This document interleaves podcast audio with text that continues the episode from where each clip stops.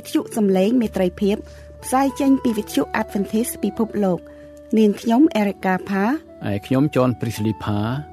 សូមគោរពនិងស្វាគមន៍ចំពោះអស់លោក លោកស្រី និងប្រិយមិត្តអ្នកស្ដាប់ទាំងអស់ជាទីមេត្រី បងប្អូនលោកអ្នកកំពុងស្ដាប់ដំណឹងល្អពីវិទ្យុសំឡេងមេត្រីភាព ដែលផ្សាយចេញជាភាសាខ្មែរមួយថ្ងៃពីរលើកព្រឹកពីម៉ោង6ដល់ម៉ោង6:30នាទី ពេលល្ងាចពីម៉ោង8ដល់ម៉ោង8:30នាទីយប់ថ្ងៃអាទិត្យមានរយៈពេល1ម៉ោងពីម៉ោង6ដល់ម៉ោង7ព្រឹក និងពេលល្ងាចពីម៉ោង8ដល់ម៉ោង9យប់តាមរលកធាតុអាកាសខ្លី short wave 15150 kHz កម្ពស់19ម៉ែត្រ អ្នកស្រីសុនសវណ្ណានឹងជម្រាបជូននៅកម្មវិធីសម្រាប់ថ្ងៃនេះដូចតទៅ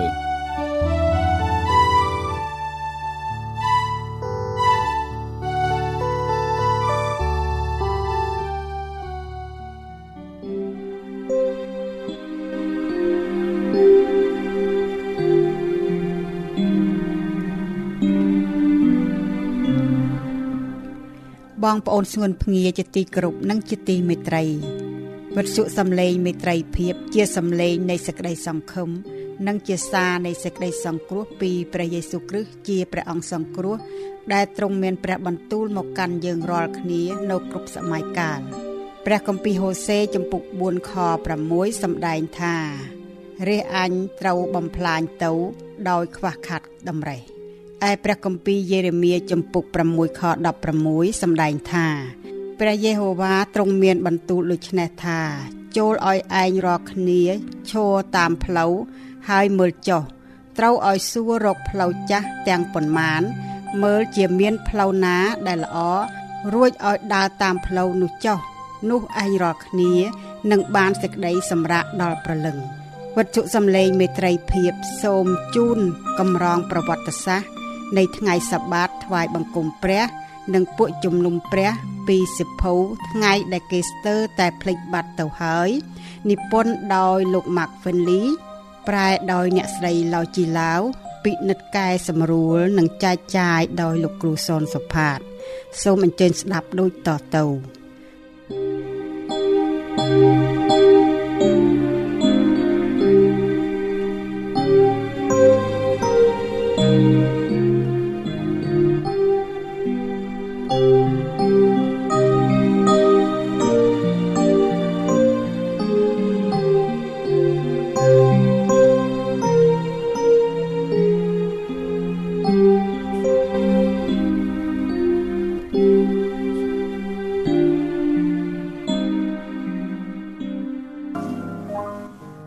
បាទខ្ញុំសូមគោរពស្វាគមន៍ដល់បងប្អូនជនភ្ងានៅក្នុងនីតិប្រវត្តិសាស្ត្រនៃក្រុមជំនុំនិងប្រវត្តិសាស្ត្រនៃថ្ងៃសាបាសគឺថ្ងៃថ្វាយបង្គំព្រះដែលបងប្អូនលោកអ្នកដឹងហើយថាបាទខ្ញុំបានធ្វើអត្ថាធិប្បាយជាហោហែមក គឺថ្ងៃសាបាតនេះគឺនៅក្នុងព្រះគម្ពីរបរិសុទ្ធគឺគេចែងថាសរសេរថាថ្ងៃឈប់សម្រាកមួយទៀតថាថ្ងៃបរិសុទ្ធដូច្នេះ ថ្ងៃជប់សម្រាកនោះគឺភាសាដើម គឺភាសាហេប្រឺថា the sabbath the sabbath day ដូច្នេះហើយបានជាខ្ញុំតែងតែជម្រាបជូនបងប្អូនលោកអ្នកថាប្រវត្តិនៃថ្ងៃ sabbath គឺថ្ងៃបរិសុទ្ធថ្ងៃថ្វាយបង្គំព្រះបាទលោកស្រី Ellen G. White បានមានប្រសាសន៍អំពីប្រវត្តិសាស្ត្រយ៉ាងដូចនេះថាយើងគ្មានអ្វីដែលត្រូវភ័យខ្លាចចំពោះអនាគតសោះឡើយ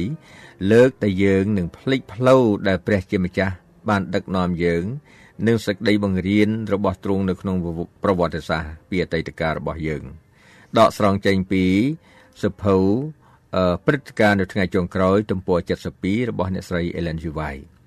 ថ្ងៃនេះយើងនាំគ្នាមកដល់នៅសតវត្សទី12នៃគ្រិស្តសករាជហើយយើងមើលប្រវត្តិសាស្ត្រនៅប្រទេសលំបាឌីគឺមានផោះតាង ដែលបន្សល់ទុកដែល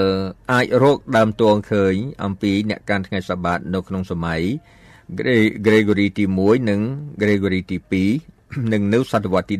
12នៅប្រទេសលំបាឌីដកស្រង់ចេញពី Strong Cyclopedia 1660នៅក្រុម Walden នៅក្នុងបណ្ដាឯកសារទាំងឡាយយើងឃើញមនុស្សដដែលនោះ មានការបញ្យល ពីក្រឹតវិន័យ10ប្រការដែលចុះកាលបរិច្ឆេទនៅគ្រិស្តសករាជ1120ដោយ Boyer ការគោរពថ្វាយបង្គំព្រះនៅថ្ងៃសបាសដោយឈប់ធ្វើការពីគ្រប់ការទាំងឡាយខាងលោកីដើម្បីថ្វាយបង្គំព្រះ ដកស្រង់ចេញពី Blair uh, Histories of the Waldenses អឺប្រវត្តិសាស្ត្រនៃក្រុម Waldens នៅវល់ទី1ទំព័រ220ប្រទេសវេល ប្រទេសវេលគឺជាចំណែកមួយនៃចក្រភពអង់គ្លេសមានផុសតាងយ៉ាងច្រើនអំពីថ្ងៃសាបាសដែលគេកាន់ដោយច្រើនលើសលប់និងជាសកលនៅប្រទេសវេលរហូតដល់គ្រិស្តសករាជ1115នៅពេលដែលសម្ដេចសង្ឃក្រុងរ៉ូមទី1បានឡើងកាន់តំណែងនៅ Saint Davis ព្រះវិហារទាំងឡាយនៃប្រទេសវេលដែលរក្សាថ្ងៃសាបាតតាំងពីដើមមក មិនបានអោនក្រាបចំពោះក្រុងរ៉ូមតែសុកចិត្តរត់គេចទៅរកទីពំនួនដកស្រង់ចេញពី Louis 7 Day Baptist Volume 1 page 29 Pasagini អ្នកនិពន្ធរបស់សម្ដេចប៉ាបឈ្មោះ Bona Quissus បានសរសេរប្រឆាំងនឹង Pasagini ដូចតទៅនេះថាមិនមែនមនុស្សតិចតួចទេប៉ុន្តែមនុស្សជាច្រើន ដែលដឹងពីអ្វីដែលហៅថាកំហុសរបស់អ្នកទាំងឡាយដែលហៅខ្លួនថាបាសាគីនី ទី1ពួកគេបង្រៀនថាយើងត្រូវគោរពថ្ងៃសាបាសហើយលើសទៅទៀតបន្ថែមទៅលើការខុសឆ្គងនោះគឺគេបានថ្កោលទោសនិងបដិសេធគ្រប់ទាំងលោកឪពុកអឺដែលជាមេលើពួកជំនុំភាសាអង់គ្លេសហៅថា Church Fathers និងក្រុមជំនុំនៃរ៉ូម៉ាំងកាតូលិកទាំងមូល ដកស្រង់ចេញពី Dr. Hans 3 uh 209ប្រទេសហុងគ្រីប្រទេសបារាំងអង់គ្លេសអ៊ីតាលីនិងអាល្លឺម៉ង់តាក់ទងទៅនឹងការរក្សាថ្ងៃសបាតរបស់ពួកបាសាគីនីការរិះសាយនៃអញ្ញតិថិហេស៊ីជំនឿបែកឆ្វេងនៅពេលនោះ គឺស្ទើរតែរកជឿមិនបាន ពីប្រទេសប៊ុលហ្គារីទៅដល់អេប្រូ ពីប្រទេសបារាំងប៉ែកខាងជើងរហូតដល់ Tiber នៅគ្រប់ទិសទីយើងជួបពួកគេ ប្រទេសទាំងមូល មានមីដេដាដូចជានៅប្រទេសហុងគ្រីបារាំងប៉ែកខាងត្បូងនិងប្រទេសជាច្រើនទៀតគឺអាល្លឺម៉ង់អ៊ីតាលីអឺនៅនីដឺឡង់និងសូម្បីអឺនៅប្រទេសអង់គ្លេសនោះ ពួកគេបានខំប្រឹងប្រែងដកស្រង់ចេញពី Dr. Hans 1 13 14 សតវត្សទី13នៃគ្រិស្តសករាជក្រុម Walden ក្រុម Walden ពួកគេនិយាយថាសម្ដេចប៉ាប Sylvester ដែលមានពរអឺគឺជាអ្នកប្រឆាំងនឹងព្រះគ្រីស្ទឬព្រះគ្រីស្ទខ្លែង The Antichrist ហើយក៏បានសម្ដែងក្នុងសម្បត្តិរបស់សន្តបុគ្គលប៉ុល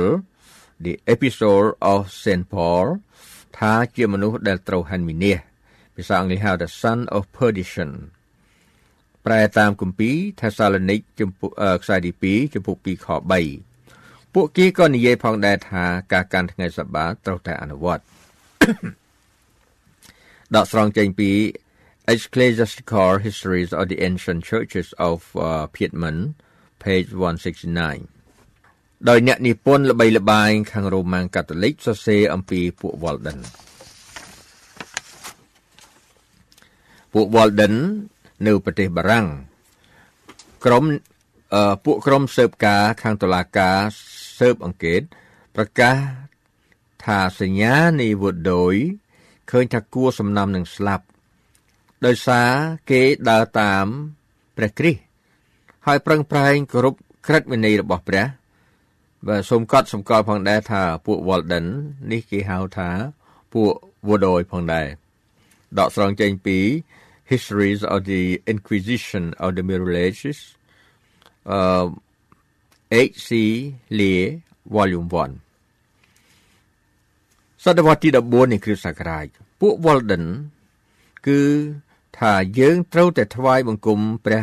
តែមួយប៉ុណ្ណោះដែលទ្រង់អាចនឹងជួយយើង គឺមិនមែនពួកសន្តបុគ្គលដែលចាក់ចោលដូច្នេះយើងត្រូវតែរក្សាថ្ងៃសបាតជាថ្ងៃបរិសុទ្ធ ដកស្រង់ចេញពី Luther's Forerunner ទំព័រ38ប្រទេសអង់គ្លេសប្រទេសហូឡង់និងបូហេមៀ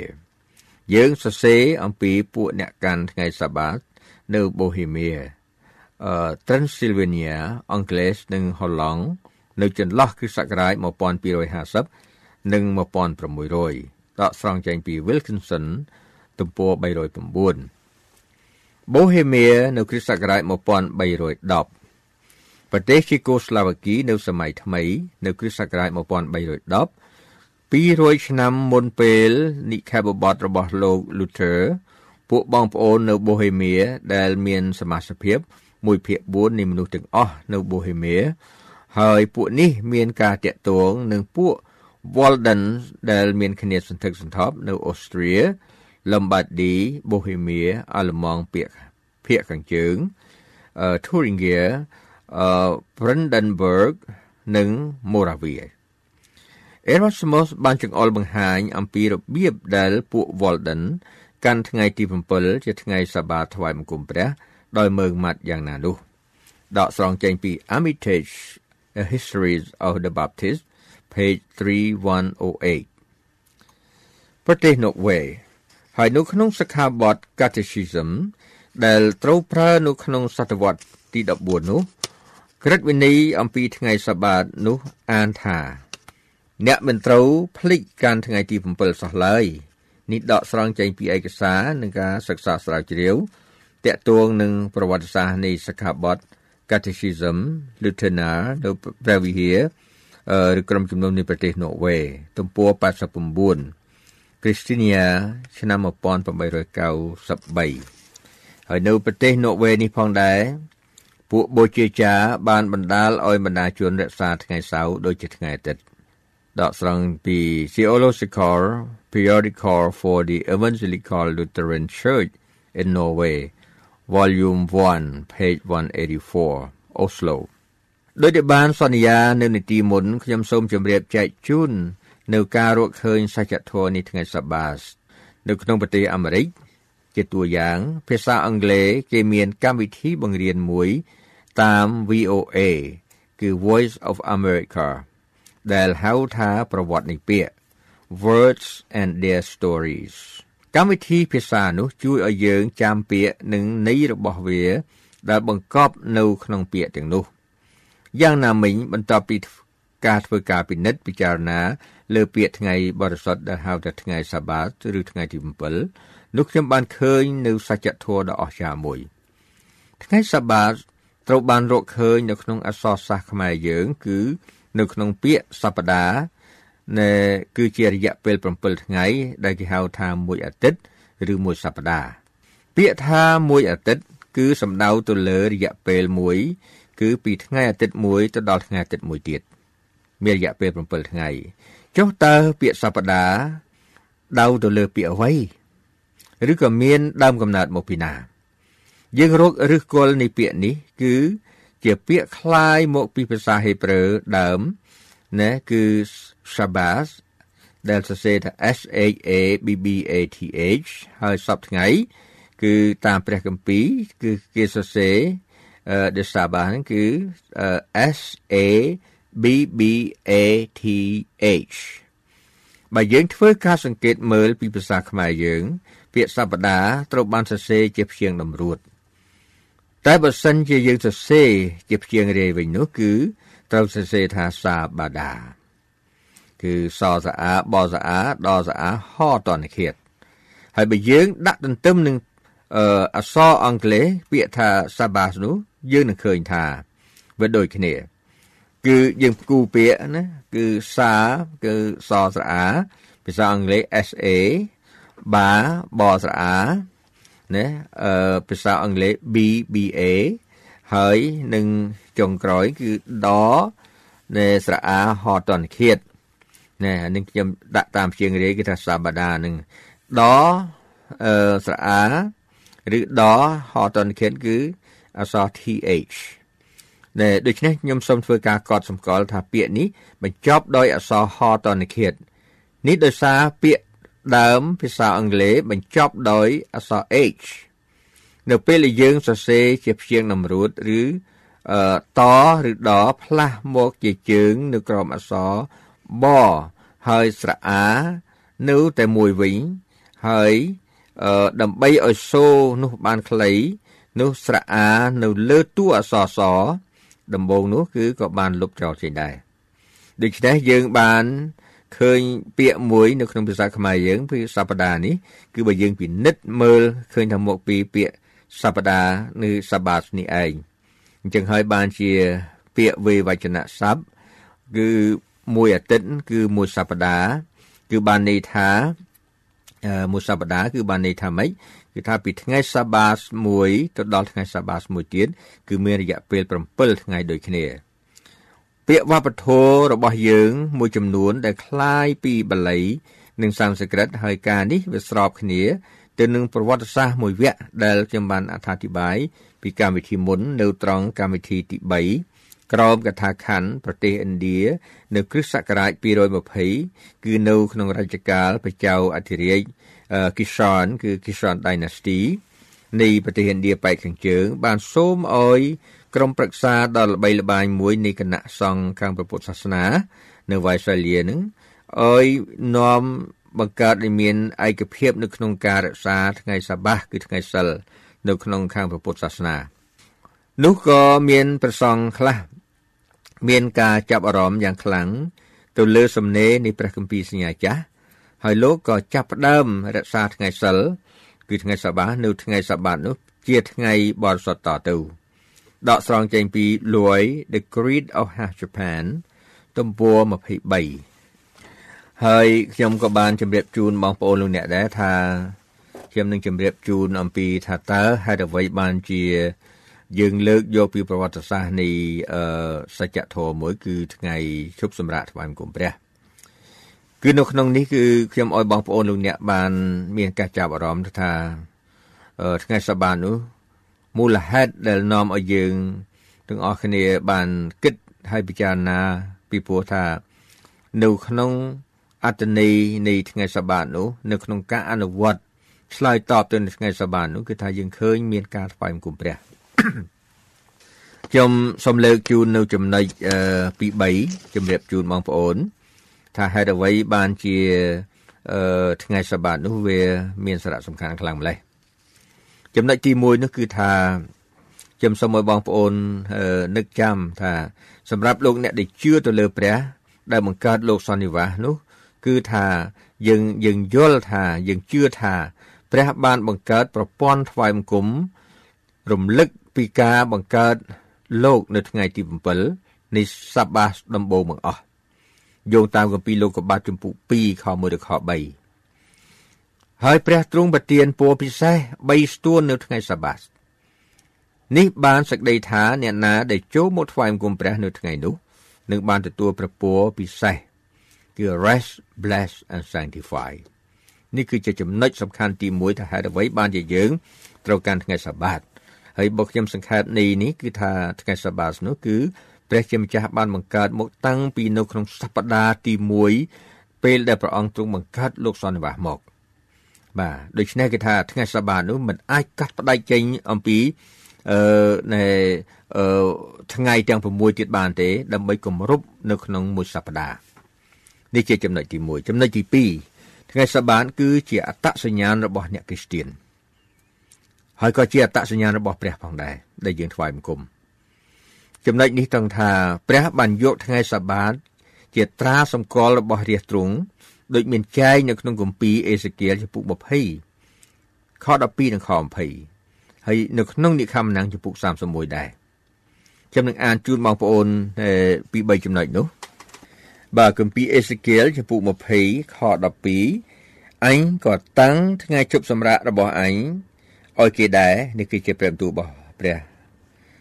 ដែលមានបជនរស់ណាព្រះយេហូវ៉ាអញក៏តាំងថ្ងៃជប់សម្រាប់របស់អញឲ្យគេដែរទុកសម្រាប់ជាទីសម្គាល់ដល់អញហើយនឹងគេ ប្រយោជន៍ឲ្យគេបានដឹងថាអញជាព្រះយេហូវ៉ាដែលញែកគេចេញជាបរិសុទ្ធបងប្អូនលោកអ្នកមើលខ21ទៀតថាចូលញែកថ្ងៃជប់សម្រាប់របស់អញនេះចេញជាបរិសុទ្ធនោះនឹងបានជាទីសម្គាល់ដល់អញហើយនឹងឯងរាល់គ្នា ដើម្បីឲ្យបានដឹងថាអញនេះគឺយេហូវ៉ាជាព្រះនេះឯងរាល់គ្នា អរគុណព្រះអង្គនេះគឺជាអត្តសញ្ញាណមួយសំខាន់ណាស់អ្នកណាដែលកាន់ថ្ងៃសបាតរបស់ព្រះអង្គគឺបានទទួលនៅអត្តសញ្ញាណមួយថាជាកូនរបស់ព្រះបាទអរគុណព្រះអង្គហើយនៅក្នុងនិខមណាំងចំពុក31បងប្អូនលោកអ្នកមើលចំណុចសំខាន់ល្អល្អណាស់សម្រាប់ជួយឲ្យយើងទាំងអស់គ្នាយល់បានថែមទៀតអំពីសច្ចធម៌របស់ព្រះអង្គនៅចំពុក31និខមណាំងពុក31 យើងឃើញថាព្រះជាម្ចាស់មានព្រះបន្ទូលថានៅចំពុក31ខ14ដូច្នេះត្រូវឲ្យរក្សាថ្ងៃជប់សម្រាប់ទាំងនោះត្បិតថ្ងៃនោះជាថ្ងៃបរិសុទ្ធដល់ឯរាល់គ្នានេះកម្មណាំងចំពុក31ខ16ហេតុនោះបានជាត្រូវឲ្យពួកកូនចៅអ៊ីស្រាអែលបានស្មោះត្រង់ដល់ថ្ងៃជប់សម្រាប់នោះដើម្បីនឹងកាន់តាមនៅអស់ទាំងដំណរគេរៀងតទៅ ទុកជាសេចក្តីសញ្ញា ដើម្បីនឹងកាន់តាមនៅអស់ទាំងដំណរគេតរៀងទៅទុកជាសេចក្តីសញ្ញានៅដល់អស់កាលជានិច្ចអរគុណព្រះអង្គដូច្នេះយើងឃើញថាចំណុចសំខាន់ទាំងអស់នេះហើយដែល ជួយឲ្យយើងទាំងអស់គ្នា បានយល់ណាបានយល់ថា ចំណុចទី2ដែលខ្ញុំលើកមកមីនេះអឺ សារៈសំខាន់របស់ថ្ងៃសបាតនោះគឺមានសំខាន់ណាស់ត្រង់ថានោះថ្ងៃសបាតគឺជាអត្តសញ្ញាណរបស់យើងជាអ្នកគ្រីស្ទៀនណាហើយយ៉ាងម៉េចទៀតបងប្អូន គឺដូចចែងនៅក្នុងកាពីអេសេគៀលខ្ញុំបានអានជូនមិញមិញគឺជាត្រាសម្រាប់ដៅចំណាំ យើងរាល់គ្នាដល់ថ្ងៃប្រោះលោះនេះគឺជួយឲ្យមនុស្សទាំងអស់ដែលជាសមិទ្ធផលរបស់ព្រះបានថ្វាយគុំព្រះដល់ពិត ហើយសូម្បីតែនៅនគរឋានសួគ៌ក៏មានការថ្វាយបង្គំព្រះនៅថ្ងៃសបាតនោះដែរបងប្អូនលោកអ្នកមាន គឺព្រះគម្ពីរគឺសូមបើកទៅគម្ពីរអេសាយចំពុក66នៅខ3ខចុងក្រោយបងអស់បាទតែថាយើងមិនមានពេលខ្ញុំសូមឲ្យបងប្អូនគាត់តែកត់សម្គាល់ហើយសម្រាប់អានខ្លួនឯងខ្ញុំគាត់ជំរាបជូនបងប្អូនថាអឺ ចំណុចសំខាន់មួយទៀតគឺជាយើងជាអត្តសញ្ញាណនៅថ្ងៃសបាសគឺជាអត្តសញ្ញាណរបស់អ្នកគ្រីស្ទៀនដ៏ពិតប្រាកដហើយអំពីកាលណាយើងមានជាអត្តសញ្ញាណរបស់អ្នកគ្រីស្ទៀនក៏ជាអត្តសញ្ញាណរបស់ព្រះដ៏បរិសុទ្ធរបស់យើងដែរបានសេចក្តីថាព្រះទ្រង់អឺញែកថ្ងៃនោះ ដើម្បីទុកឲ្យយើងទាំងអស់គ្នាបានញែកសម្អាតខ្លួនដើម្បីចូលមកថ្វាយគុំដល់ព្រះជាម្ចាស់ដែរ នេះចំណុចទី2ចំណុចទី3គឺថ្ងៃសបានឹងគឺមានសេចក្តីសន្យាដ៏មហោឡារិកពីព្រះអង្គសង្គ្រោះនេះគឺថាខ្ញុំសូមឲ្យបងប្អូនលោកអ្នកគិតមើលថាបើយើងមើលពីអឺខ្លឹមសារអំពីថ្ងៃសបានេះគឺតាក់ទងទៅនឹងការថ្វាយបង្គំដូច្នេះនៅគ្រប់សាសនាសាសនាណាក៏ដោយគឺថាបើគ្មានការថ្វាយបង្គំដល់ព្រះជាម្ចាស់ទេគឺថាវាអត់មានខ្លឹមសារអ្វីទេ គឺអ្នកដែលជឿព្រះសំបីនៅក្នុងខាងសាសនាណាក៏ដោយគឺមានការថ្វាយបង្គំព្រះគឺសំខាន់ណាស់បាទហើយនៅក្នុងការដែលថ្វាយបង្គំនេះគឺដោយលោកមហាធម្មកណ្ឌីលោកបានមានភាសាថាម៉េចថា worship without sacrifice គឺការថ្វាយបង្គំព្រះដោយខ្វះការនៃលះបង់គឺมันมันអាចជាការល្អទេអានោះហើយគឺថាជាការបដិបដាចូលមកសៀតនៅ នៅក្នុងចំណុចទាំង7អរគុណព្រះអង្គដូច្នេះខ្ញុំសរុបសេចក្តីមកគឺថានៅក្នុងចំណុចទី3នៃការដែលយើងសារៈសំខាន់នៃថ្ងៃសបានោះគឺថាថ្ងៃសបាគឺថាជាសេចក្តីសន្យាដ៏មហោឡារិកពីព្រះអម្ចាស់ខ្ញុំសូមឲ្យបងប្អូនមើលជាមួយខ្ញុំនៅក្នុងគម្ពីរអេសាយគម្ពីរអេសាយចំពោះអេសាយចំពុក58អេសាយពុក58 ខ13បើឯងខត់ជើងឯងមិនអោយបែរចេញពីថ្ងៃជប់សម្រាកគឺមិនអោយធ្វើតាមអំពើចិត្តនៅថ្ងៃបរិសុទ្ធរបស់ឯងបើឯងរាប់ថ្ងៃជប់សម្រាកទុកជាទីរីករាយចិត្តហើយលើកថ្ងៃបរិសុទ្ធរបស់ព្រះយេហូវ៉ាទុកជាថ្ងៃគួរគោរពព្រមទាំងប្រតិបត្តិតាមផងឥតធ្វើតាមអំពើចិត្តរបស់ខ្លួនឬស្វែងរកសេចក្តីអំណរដល់ខ្លួនឯងឬពោលតែពាក្យរបស់ផងខ្លួនឡើយ គ្រានោះឯងនឹងបានរីករាយក្នុងព្រះយេហូវ៉ាហើយអញនឹងបញ្ជិះឯងនៅលើទីខ្ពស់នៃផែនដី ហើយនឹងចិញ្ចឹមឯងដោយមរតករបស់យ៉ាកុបជាអាយកោឯងត្បិតព្រះអស់នៃព្រះយេហូវ៉ាបានចេញវិចារហើយសូមអរគុណដល់បងប្អូនលោកអ្នកនិងសូមព្រះជាម្ចាស់ប្រទានព្រះពរដល់សន្តាប់នៃកម្មវិធីវិទ្យុសំឡេងមេត្រីភាពយើងខ្ញុំសូមអញ្ជើញបងប្អូនលោកអ្នកស្ដាប់កម្មវិធីផ្សាយតាមប្រព័ន្ធអ៊ីនធឺណិត www.voiceoflow.us សូមចុចភ្ជាប់ direct ទៅ AWR វិទ្យុ Adventist ពិភពលោក ដើម្បីស្ដាប់កម្មវិធី ថ្មីថ្មីរៀងរាល់ថ្ងៃ បើបងប្អូនលោកអ្នកទទួលអំណរនិងព្រះពរពីកម្មវិធីយើង ឬមានសំណួរសំណូមពរផ្សេងផ្សេងសូមអ៊ីមែលមកស្ថានីយ៍យើងផ្ទាល់នៅ voice.ohlow@clearwire.net សូមអរគុណ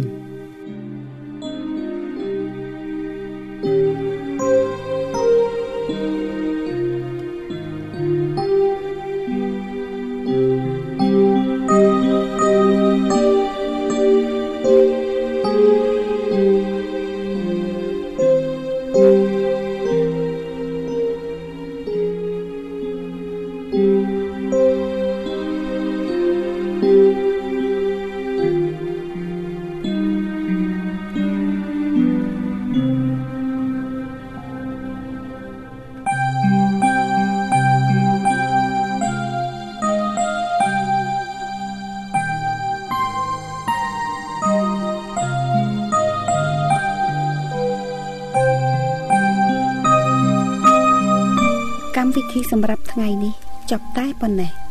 វិទ្យុយើងសូមថ្លែងអំណរគុណជាអតិបរមា ចំពោះការយកចិត្តទុកដាក់ស្ដាប់ របស់អស់លោកអ្នកនាង សូមព្រះជាម្ចាស់នៃមេត្រីភាព ប្រោះប្រទានព្រះពរគឺសេចក្តីសុខសន្តិភាព អំណរនិងសុភមង្គលជានិច្ចនិរន្តរ៍តរៀងទៅសួស្តី